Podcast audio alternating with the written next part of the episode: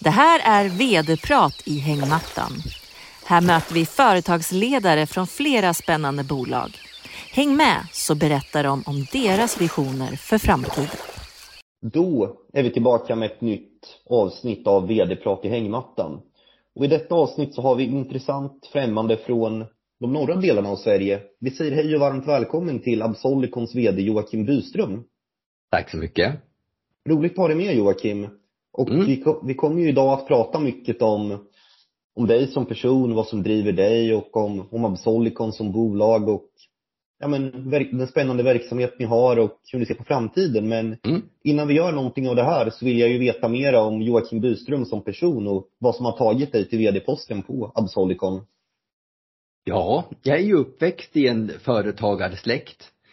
Av min pappas syskon så alla håller på med någon slags eh, företagarverksamhet.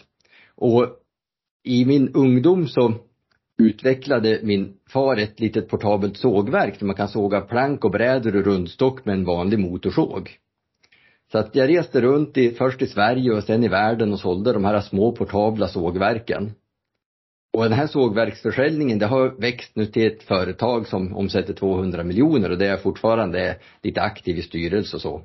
Så att jag har växt upp på, som knalle och åkt runt på mässor och marknader och sålt sågverk.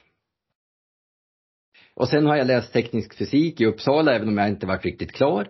Men under hela min uppväxt har jag haft två stora intressen och det ena har varit solenergi och det andra har varit robotar.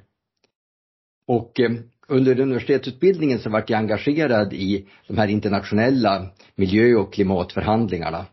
Så jag åkte på flera av de här internationella klimatmötena, bland annat i Kyoto där första klimatöverenskommelsen skrevs. Och där så reflekterar jag över hur långsamt den här diplomatiska processen går och hur viktigt det är att utveckla ny miljö och energiteknik. Så när jag var hemma här i Sverige så hade, satt vi ett stort gäng miljö och teknikkompisar och funderade på hur världens energiförsörjning egentligen ska fundera, fungera. Och utifrån det så startade vi ett projekt 2002 med lite riskkapital och lite annat för att utveckla en koncentrerande solfångare. Solfångaren ligger ju helt rätt i tiden, tänker jag. Och det känns ju som att Absolicon är ett, ett bolag som ligger rätt i tiden sett till saker som behöver ske med energiomställning. Ja, alltså, och ett problem med solfångare förut har varit att när man producerar värme från solen så har man haft lite låga temperaturer. Man har haft solvärme till duschvatten i sommarstugor och så för på 60 grader. Men det vi utvecklat det är en koncentrerande solfångare som fokuserar ljuset i en smal linje och på så sätt kan producera 160 gradig ånga eller hetta, trycksatt hetvatten. Så solfångaren den följer solen under dagen och fokuserar ljuset hela tiden för att producera ånga som används av industrier eller hetta för att värma fjärrvärmenät och hela städer. Om vi kikar lite grann på Absolicons verksamhet här i, här i övrigt. Vad skulle du säga genomsyrar bolaget och dess eh, profil? Ja, vi, vår affärsidé är ju att vi har utvecklat världens bästa koncentrerande solfångare där vi omvandlar 76,4 procent av infallande solljus till värme. Men det är inte solfångaren vi säljer utan vi säljer den robotiserade produktionslinan som massproducerar solfångarna och som kan tillverka en 5,5 kvadratmeter stor koncentrerande solfångare var sjätte minut. Så att våran verksamhet präglas av en ganska bred eh, uppsättning med aktiviteter där vi dels bygger marknad i olika länder och dels arbetar vi med entreprenörer och företag som ska köpa våra produktionslinjer och starta produktion i sina länder. Och de senaste månaderna så har vi rekryterat väldigt kraftigt för i december 2021 då skrev vi överenskommelser med fem av världens största multinationella bolag. Eh, Anheuser-Busch InBev som är världens största bryggerikedja, Carlsberg, Asahi med Japan som har Peroni i, som ett bryggeri. Eh, Archie Daniels Midland som är en stor livsmedelskoncern och eh, indiska Tata. Så alla de har vi överenskommelser med att bygga pilotinstallationer hos. Och för att klara de här åtagandena så har vi anställt en hel del nya ingenjörer och tekniker och även säljare. Så att vi har gått nu så att vi är över 50 personer anställda i Absolicon som jobbar med de här partnerserna med både praktiska projekteringar av installationer av solfångare på olika industrier och att steg för steg få de här robotiserade produktionslinjerna på plats i olika länder. Jag var ju inne lite på frågan tidigare här angående energiomställningen som, som onekligen behöver ske för att världen ja, men på sikt ska, ska fortsätta att vara en bra, bra plats att leva på. Om du utvecklar lite grann kring hur ni är med och bidrar till den här äh, omställningen. Ja, en vanlig missuppfattning är ju att, att världen drivs av elektricitet. Men elektriciteten står bara för 20 procent av energiförsörjningen. 30 procent är transporter och 50 procent är värme. Så vi säger heat is half. För att värme behövs för alla de industriella processer som producerar de varor vi har runt omkring oss. Om det är mat eller målarfärg på väggen eller virke till ett eh, skrivbord så görs allt det med ånga och inte med elektricitet. Och jag brukar ha tre exempel. Att producera ett kilo jeanstyg, då eldar man två kilo kol. För att det är inte så att jeansen produceras med elektricitet när man syr dem, det är en otroligt liten del. Utan energiförbrukningen när man gör jeans, det är att värmebehandla och bleka och färga och tvätta och torka tyget. Och det gör man med ånga som man får från att man eldar kol eller naturgas. Eller om man ska brygga öl, då behövs det också värme. Så att för att brygga 100 liter öl, då eldar man 2 liter dieselolja. Och för att producera te, som man har i sin lilla tepåse, för att torka ett ton te, då eldar man fem ton ved. Och det här är någonting som de flesta människor inte känner till utan de flesta tror att de här sakerna vi har omkring oss, om det är medicin eller ost eller målarfärg, att det görs med elektricitet. Men det är nästan alltid en stor fossilbränsleeldad panna som står i, bak i fabriken och producerar ånga som driver de här processerna. Och det här har vi ju kämpat med nu med industrierna och de har inte varit så benägna att byta för de har haft jättebilligt kol och haft jättebillig rysk gas. Men det där har ju dramatiskt ändrats nu. Exakt, jag hade tänkt ställa den frågan till dig här Joakim nu. Nu eh, ledde du in på, på den själv så jag, jag följer bara upp kort där och frågar då hur ni på Absolicon ja, men påverkas av, av det som har skett då i och med Rysslands invasion av, av Ukraina och att nu behovet av att gå ifrån rysk gas och annan energi därifrån, det ökar ju ännu snabbare. Ja, våran strategi tidigare, det har varit att gå till länder med ganska höga energikostnader. Så vi har ju en pilotinstallation i Kenya, vi har hållit på i Chile och på andra håll i världen. Men de höga energikostnaderna, de har vi ju nu fått även i Europa. Europa har ju varit dopat med den här billiga ryska gasen. Där 45 procent av naturgasen i Europa kommer från Ryssland. Och även här har vi det här problemet med att politiker och andra tror att den här gasen används att producera elektricitet. Men i själva verket är det bara 10 procent av den ryska gasen som man gör el av. Sen blir 30 procent Eh, fjärrvärme till städer, 30 procent används direkt i, i hus för att värma hetvatten och 30 procent eldas i industrier för att producera värme till de här industriprocesserna jag nämnde. Så att när man nu ska ersätta värmen från den här ryska gasen som är alltså 90 procent av användningen, då är ju solvärme ett av huvudalternativen. Och vi har inte längre den här jättebilliga gasen att konkurrera med utan energin har nu blivit tre, fyra, fem gånger dyrare i Europa och industrierna har stora problem med att se hur de ska försörja sina eh, industrier utan rysk gas. Så att det är en otroligt spännande situation där vi pratar med olika multinationella företag varje vecka och hur de resonerar kring den här omställningen. Hur ser du generellt då på konkurrensen för, för Absolicon och era produkter? Jag kan tänka mig att den kan, den kan variera lite mellan olika länder eller världsdelar där ni befinner er. Ja, men konkurrensen är inte något problem. Alltså vi, vi, är en handfull företag som arbetar med det här. Vi satt alla runt samma fikabord på en solvärmekonferens för ett tag sedan. Utan problemet är att få marknaden att vakna. Att solvärmen är en sovande jätte som kan göra enorm skillnad i energiförsörjningen. Och alla vi som jobbar med solvärme för industrier och, och städer försöker liksom skaka liv i den här äh, jätten. Och fortfarande så är både städerna och industrierna lite villrådiga på vad de ska satsa på för någonting. Någonting som det har pratats mycket om till exempel är ju vätgas. Så att en del tror att man ska kunna använda vätgas och elda den för att värma städer och industrier. Vilket alla lite mer initierade förstår är helt orimligt. Men det skapar liksom en, en utredningsperiod hos de här organisationerna vad man ska egentligen satsa på. Och det är därför det är så bra att vi har lyckats skriva de här avsiktsförklaringarna och faktiskt få installera installationer hos olika multinationella bolag så att de får se och känna på grejerna. Och framförallt så gör vi nu två installationer i höst. En hos Carlsberg i Grekland och en hos Peroni i Italien. Och de här två installationerna tror jag blir ett riktigt genombrott för industriell solvärme i Europa. Och vi kommer att använda de här intensivt i vår marknadsföring. Det var lite det jag skulle, skulle lyfta fram här också, att det här är ju då både Peroni och Carlsberg, det är ju bolag och bolagsprodukter, i det här fallet drycker, som man då, man då verkligen känner igen. Eh, det vore roligt också om du kunde berätta om ett par något eller några projekt till som du ser fram emot mest här framöver som Absolicon har, har på gång utöver de här två? Ja, det andra stora som jag jobbar med länge det är ju hos Anheuser Inbev i Mosambik där det är 10 000 kvadratmeters fält som vi har hållit på att förhandla med ganska länge. Eh, som går framåt men sakta.